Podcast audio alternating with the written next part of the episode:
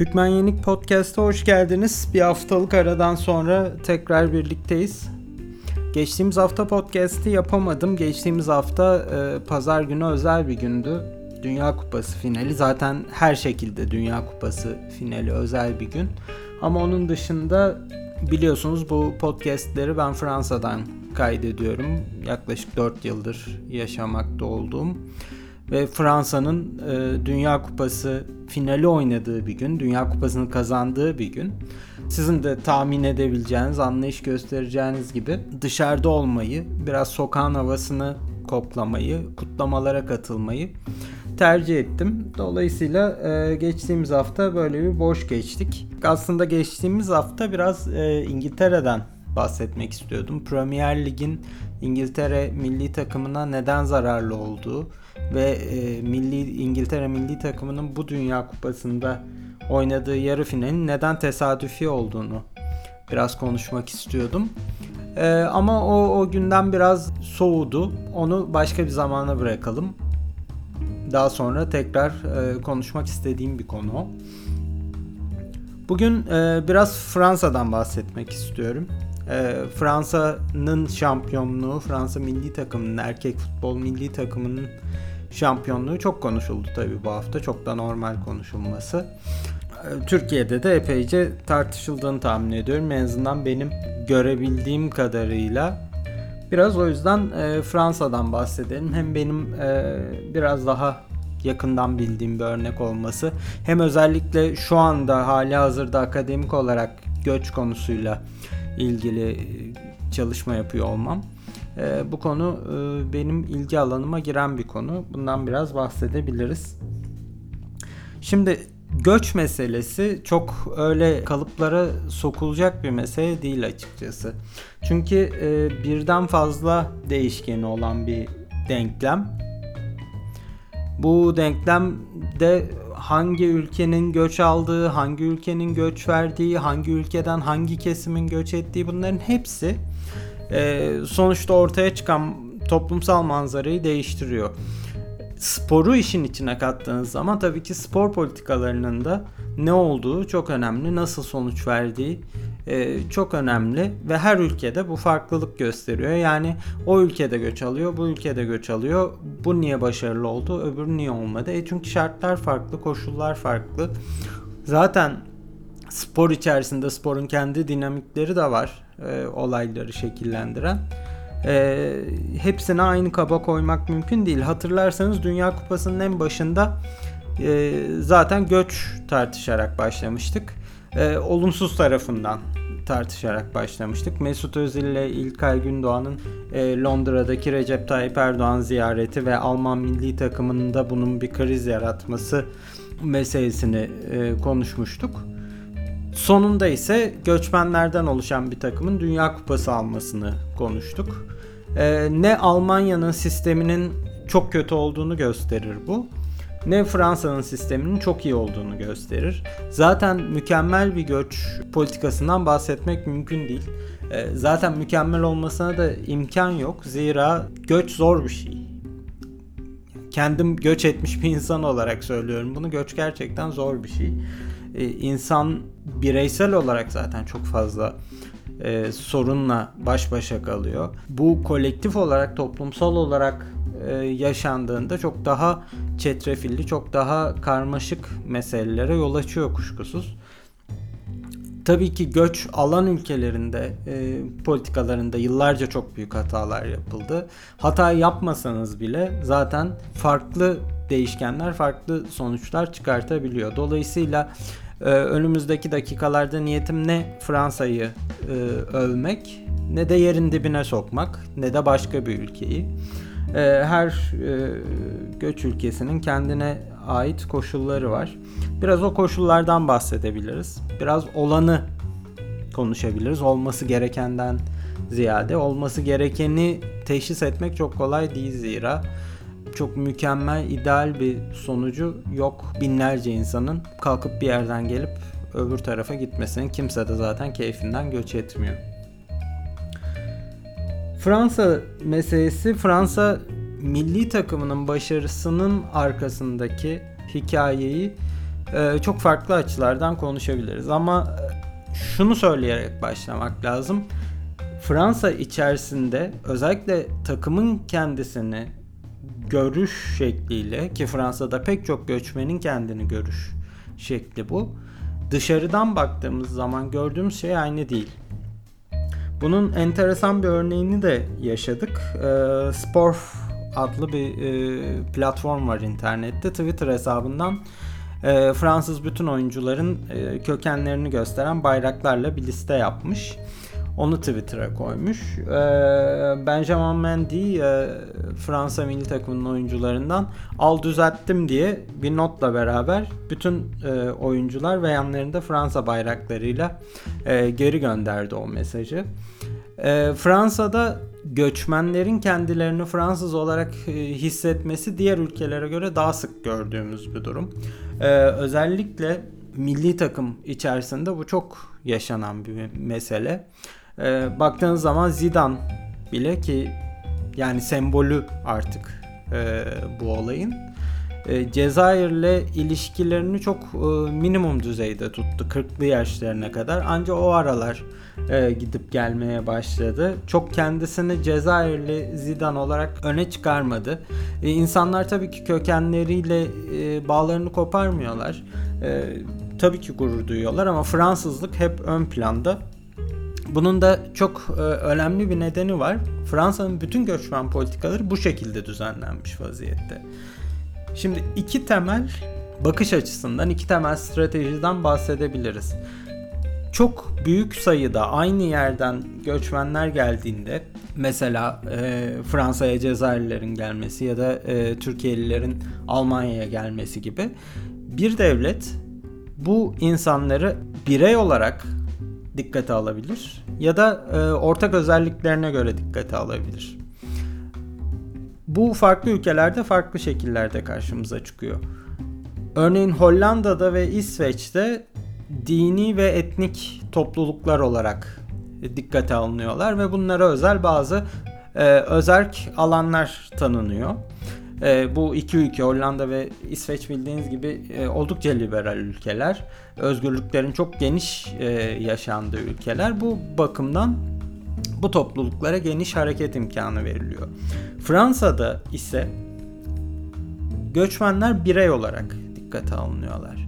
Yani siz Cezayir'den de gelseniz, Fas'tan da gelseniz, Türkiye'den de gelseniz Fransa'ya göçmen olarak gelmiş bir bireysiniz ve sizin Fransa toplumunun ne şekilde entegre olacağınız e, tamamen devletle birey arasındaki bir ilişki. Tabii ki arada e, inançları, etnisiteleri düzenleyen bazı kurumlar var ama çok e, önemli, çok e, bir Hollanda'daki ya da İsveç'teki gibi ön planda her şeyi düzenleyen ve muhatap olarak karşısında birebir devleti bulan kurumlar olduğunu söylemek zor. Zaten Fransa'nın e, son derece sıkı sıkıya laik bir devlet olması da bu din devlet ilişkileri açısından önemli. Dolayısıyla bu e, topluluklar etnik ve dini olarak dikkate çok fazla alınmıyorlar. Birey olarak alınıyorlar ve birey olarak Fransa toplumuna entegrasyonları ya da katılımları diyelim entegrasyon lafını sevmiyorum çünkü çok tek taraflı. Katılımları dahil oluşları dikkate alındığında şöyle bir manzara ortaya çıkıyor. Yani bu insanlar Fransa'da bir bireye sunulan imkanlardan 3 aşağı 5 yukarı yararlanıyorlar ve sonuçta kendilerini Fransız olarak hissetmeleri bekleniyor. Bu her zaman böyle mi sonuç veriyor? Her zaman böyle sonuç vermiyor tabi. Bu politikanın belli alanlarda belli kimliklerin dışlanıyor olması, dikkate alınmıyor olması özellikle dini kimliklerin çok büyük sorunlar da yaratıyor. E, Fransa'nın son yıllarda yaşadığı neredeyse bütün terör saldırıları Fransa'da doğup büyüyen insanlar tarafından yapıldı. Fransa'dan IŞİD'e katılan çok fazla insan var. Yani bu sorun neden çıkıyor? Aslında bu sorun o insanların dini kimliklerinin Fransa'da çok dikkate alınmıyor olmasından kaynaklanan e, meseleler. Fransa laikliği bir taraftan çok iyi ama bir taraftan da böyle bir sorun yaratıyor. E, insanların dini kimliklerinin bu kadar görmezden geliniyor olması bir noktadan sonra o insanların dışlanma hissini daha fazla yaşamasına, yabancılaşma hissini daha fazla yaşamasına neden olabiliyor ki bunlar genelde radikal örgütler tarafından çok güzel sömürülen e, meseleler. Hele e, tabii başka meseleler de var. Fakirlik var, göçmen ailelerinin pek çoğunun e, gettolarda yaşamak zorunda kalması var. Özel bölgeler tabir edilen daha çok fakir insanların yaşadığı ve hakikaten çok kötü koşullar içerisinde yaşadığı durumlar var. Bunların hepsi e, çok büyük sorunlar ve karşılığında da e, zaman zaman çok ciddi problemleri yaratabiliyor. Buna karşı yani çok da çözüm bulunduğu söylenemez açıkçası. Ama e, futbol açısından baktığımızda, futbol milli takımının özelliğine baktığımızda e, en azından bu keskinleşmenin, bu e, aradaki e, yabancılaşmanın biraz azalmasına e, imkan sağladığını söyleyebiliriz. En azından aidiyet hissini, Fransa'ya aidiyet hissini yükselttiğini söyleyebiliriz. 1998 takımı bu yolda çok büyük e, fayda sağladı. Daha önce göz önünde olmayan pek çok e, etnik grup, pek çok farklı kimlik e, bir anda göz önüne çıktı. Aslında dini olarak da böyle. Bu 98'den beri gelen süreçte pek çok Müslüman futbolcu milli takım forması giydi. Pek çok aslında sokakta gördüğümüz ama başka yerde görmediğimiz kimlik e, futbol milli takımı sayesinde erkek futbol milli takımı sayesinde görünür oldu. Aslında kadın milli takımı için de aynı şeyi söyleyebiliriz. Kadın futbol milli takımının e, bugün neredeyse yarısı Kuzey Afrikalı Müslümanlardan oluşuyor. E, Luisa Nesib'in önderliği ve onun modelliğinin, onun rol modelliğinin ardından yaşanan bir gelişme bu. Futbolun e, aslında olumlu bir etkisi olduğunu söyleyebiliriz. 2018 e, e, takımı da yani geçtiğimiz hafta dünya şampiyonu olan takım da çok aslında bu sokakta yaşanan uyumun, sokaktaki Fransa'nın tezahürü gibiydi. Yalnızca saha içi ilişkilerden bahsetmiyorum. Takım içi ilişkilerde de baktığınız zaman ki bu benim aslında e, üniversitede e, ders verirken kendi öğrencilerim arasında da gördüğüm bir şey. E, gençler arasında e, göçmenlerin kültürlerinden de etkilenilen böyle bir ortak kültür ortaya çıkmaya başladı ve e, bu aradaki farkları bayağı azaltıyor. Fransa milli takımında mesela özellikle ben Instagram postlarına çok dikkat ettim ki televizyondan da yayınlandı birçoğu. Instagram'a ne zaman bir futbolcu maçtan sonra bir şey koysa televizyonda gördük.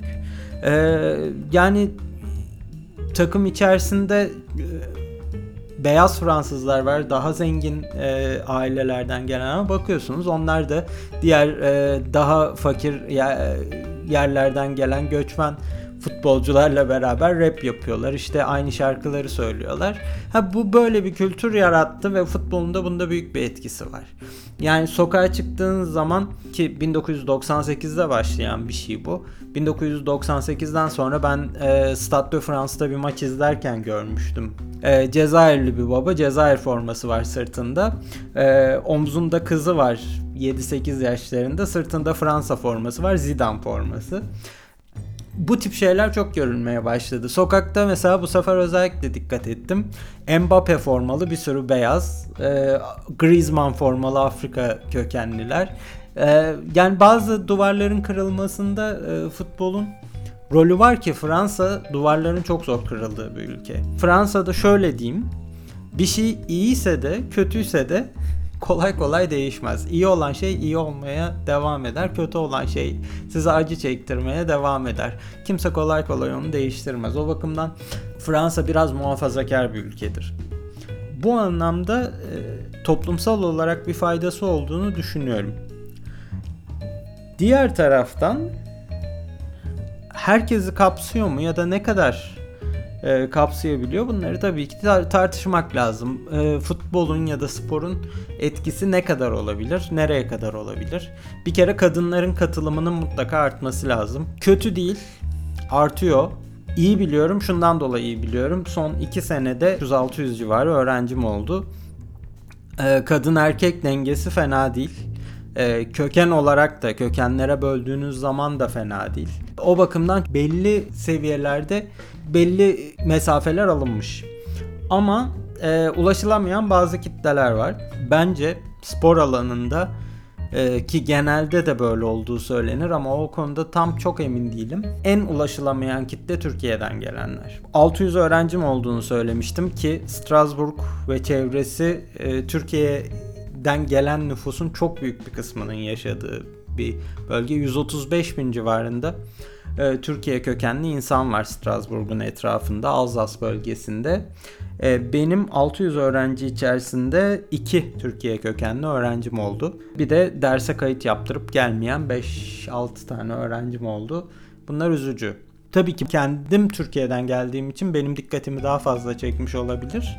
Ama başka bir etnik grup içerisinde de e, bu kadar ilgisizlik çok fazla görmedim ki nüfus olarak da çok yüksek olmasına rağmen.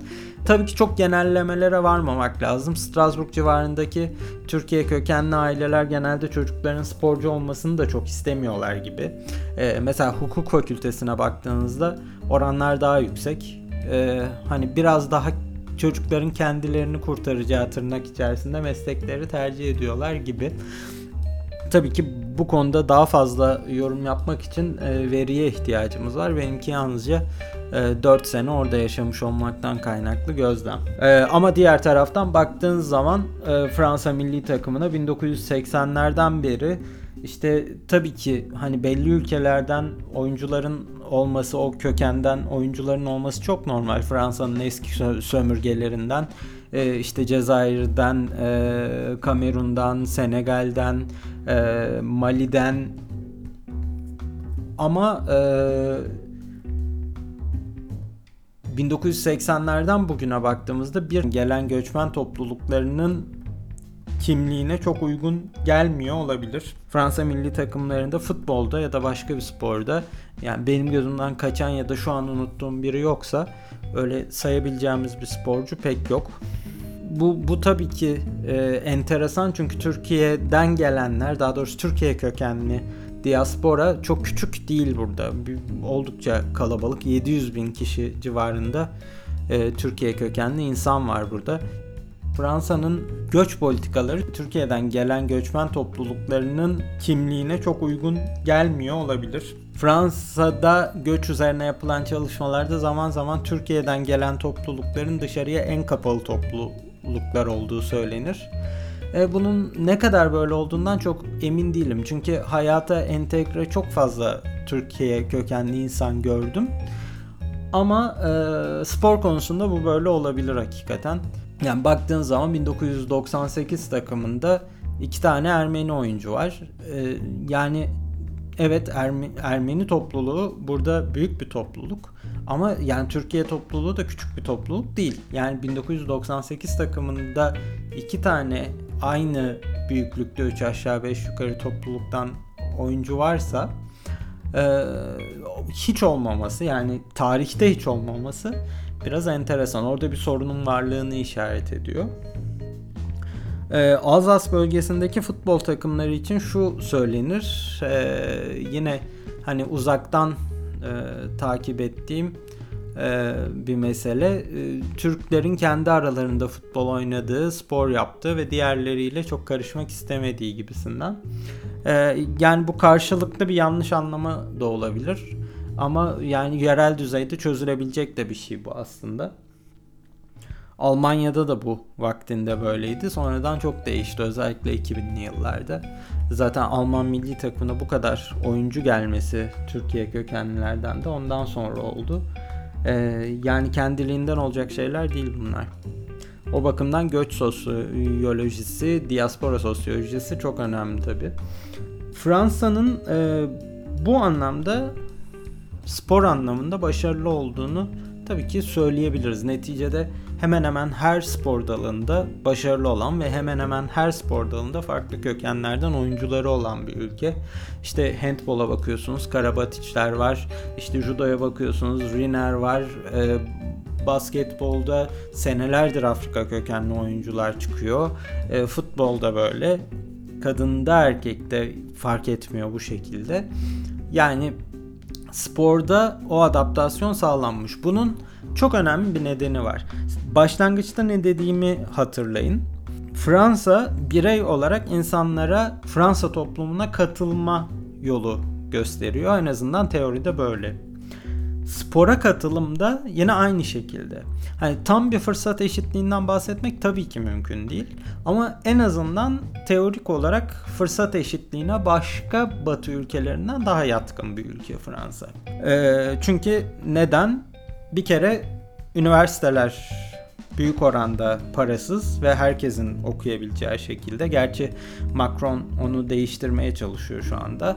Fransa'da iyi olan pek çok şeyi değiştirmeye çalıştığı gibi. Her üniversitede hemen hemen spor bilimleri fakültesi var ve buralarda okuyarak antrenör olabiliyorsunuz. Bir kere e, antrenörler arasında öyle bir etnik çeşitlilik, kültürel çeşitlilik, kimlik çeşitliliği yaratabiliyor Fransa. Ekstra bir e, özelliğe sahip olması çok fazla gerekmeden insanların sonuçta yalnızca devlet okullarında okuyarak buralara gelebiliyorsunuz. Tabii ki e, fakir ailelerin ailelerinde çok fazla okumuşluk oranı yüksek olmayanların şansı tabii ki daha az. Bu böyle hani ideal bir tablo çiziyor değilim ama diğer batı ülkeleriyle kıyasladığımda Fransa'nın biraz daha bu anlamda ileride olduğunu ama bunun e, kalıcı ol, olmama ihtimalinin olduğunu da not düşerek söyleyeyim. E, spor alanında baktığımız zaman spor kulüplerine girişte yine benzer şekilde dahası federasyonların kendi programlarına giriş de öyle. Yani Fransa milli takımı neden Fransa milli takımı? Çünkü Fransa milli takımının Clairefontaine akademisi var. E, Fransa'nın pek çok yerinde e, oyuncu gelişimine yönelik programları var ve buralara giriş de yine mümkün olduğu kadar geniş bir kapsama yayılmış vaziyette. Bunu becerebildiğiniz zaman herkese ulaşabildiğiniz zaman zaten başarılı olursunuz. Fransa büyük bir ülke. E, yetenek havuzu zaten ge, e, geniş bir ülke. E bunları iyi kullandığınız zaman da başarılı oluyorsunuz haliyle. Fransa da bunu yapıyor başarısız olduğu yerlerinde hakikaten çok başarısız olan ama başarılı olduğu yerde de gerçekten başarılı olan bir sistem. Fransa'nın bundan sonra da e, başarılı olacağını tahmin ediyorum açıkçası. Çünkü bu kendini yeniden üretebilen bir sistem. Bu açıdan da hakikaten enteresan, önemli bir örnek. E, Fransa demişken bir de bu hafta olan bitenden biraz bahsedeyim. E, bu hafta e, aslında şu bekleniyordu biliyorsunuz e, Cumhurbaşkanı Emmanuel Macron Rusya'ya gitti. İşte zaten futbolu çok seven bir insan.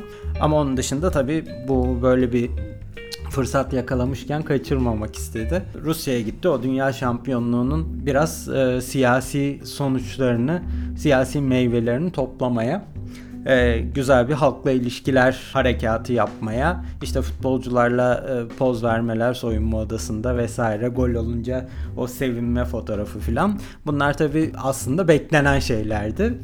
Ama beklenmeyen bir şey oldu hafta içerisinde. Le Monde e, gazetesi önemli bir habere imza attı.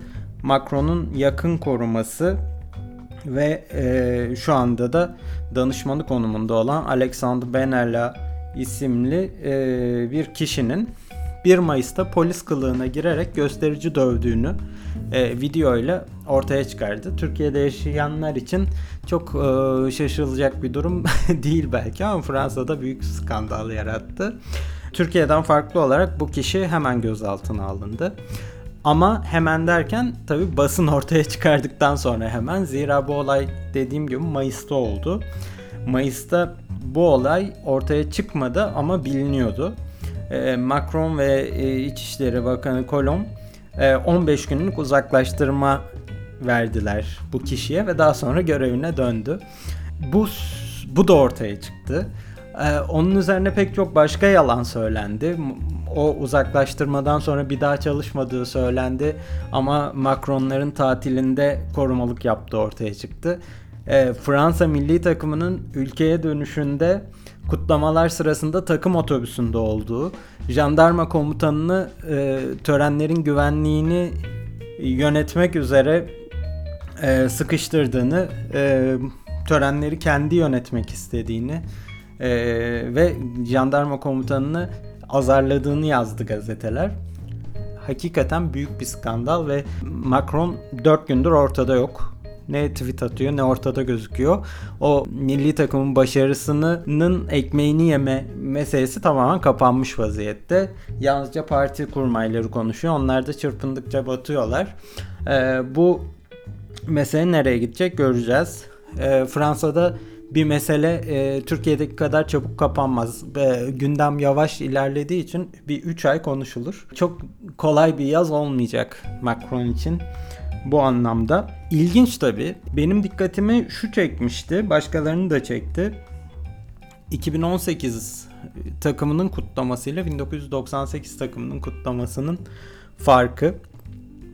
Tabii ki 1998'de dünya şimdikinden çok daha naif bir dünyaydı. Ee, tabii ki güvenlik ihtiyacı daha yüksek onu kabul ediyorum. Ama Fransa milli takım otobüsü aşağı yukarı bir 500-750 metrelik bir koridordan geçti. E, Şanzelize'de ve o koridoru halktan öyle bir uzaklaştırdılar, öyle bir bariyerlerin arkasına e, çektiler ki etrafında polis kortejiyle yani bu bu bu da artık çok gereksiz ve tamamen politik bir mesaj verme amaçlıydı aslında. İşte bakın bizden önceki hükümet güvenliği çok dikkate almıyordu. Biz böyle kuş uçurtmayız mesajıydı. Hiç de gerek yoktu. Zira iki gün öncesi 14 Temmuz bütün Fransa protokolü Şanzelize'deydi. Tam aynı noktadaydı. Hepsi korundu. 15 Temmuz'da yine aynı noktada insanlar Dünya Kupası zaferi kutladı. Biraz iş çığırından çıkar gibi olduğunda bir saatte boşalttı polis oraya. Bir saat bile değil yarım saatte boşalttı. Koca meydanı belki bir milyon kişiyi. Pekala o otobüsün güvenliği çok rahat sağlanırdı halkın arasından geçse ya da en azından e, halk daha yakın dursa, iki taraflı dursa. Ama işte bir taraftan bakıyorsunuz e, halkı bariyerlerin arkasına göndermişler. Bir taraftan etrafta insan döven bir saldırgan otobüsün içinde o sırada ve güvenliği yönetmekle e, mesul. Bu yalnızca Fransa'ya has meseleler değil tabi zaten ee, yani bunu e, size anlatmama çok gerek yok. Ama e, Fransa'da bazı şeyler kötüye e, gidiyor. E, ve gitmeye de devam edecek gibi gözüküyor. Tabi demokratik kurumları çok kuvvetli olan bir ülke. İşte bu skandal ortaya çıktı. E, basın yedi koldan atıldı olayın üstüne. Hemen adam gözaltına alındı. Yargı sistemi, emniyet bağımsız olarak işliyor. Yani İçişleri Bakanlığı'nın aylarca koruduğu bir insan pat diye gözaltına alındı. Tabii ki tamamen bir bak bunlar da bizim gibi oldu diyemem ama Macron döneminde bazı şeylerin de çok kötüye gittiği aşikar. Özellikle üniversitelerdeki fırsat eşitliği çok azal azalıyor hala hazırda. Ve biraz aslında İngiltere'nin Thatcher döneminde yaşadığı dönüşümü yaşıyor gibi Fransa ama Fransa e, benim e, düşünceme göre İngiltere'den biraz daha dirençli olacaktır. Ama e, gelecek ne gösterir bilemeyiz tabi. E, bu haftayı da yedik böyle. Haftaya bakalım neden bahsedeceğiz. Hepinize iyi haftalar diliyorum. Tekrar görüşmek üzere.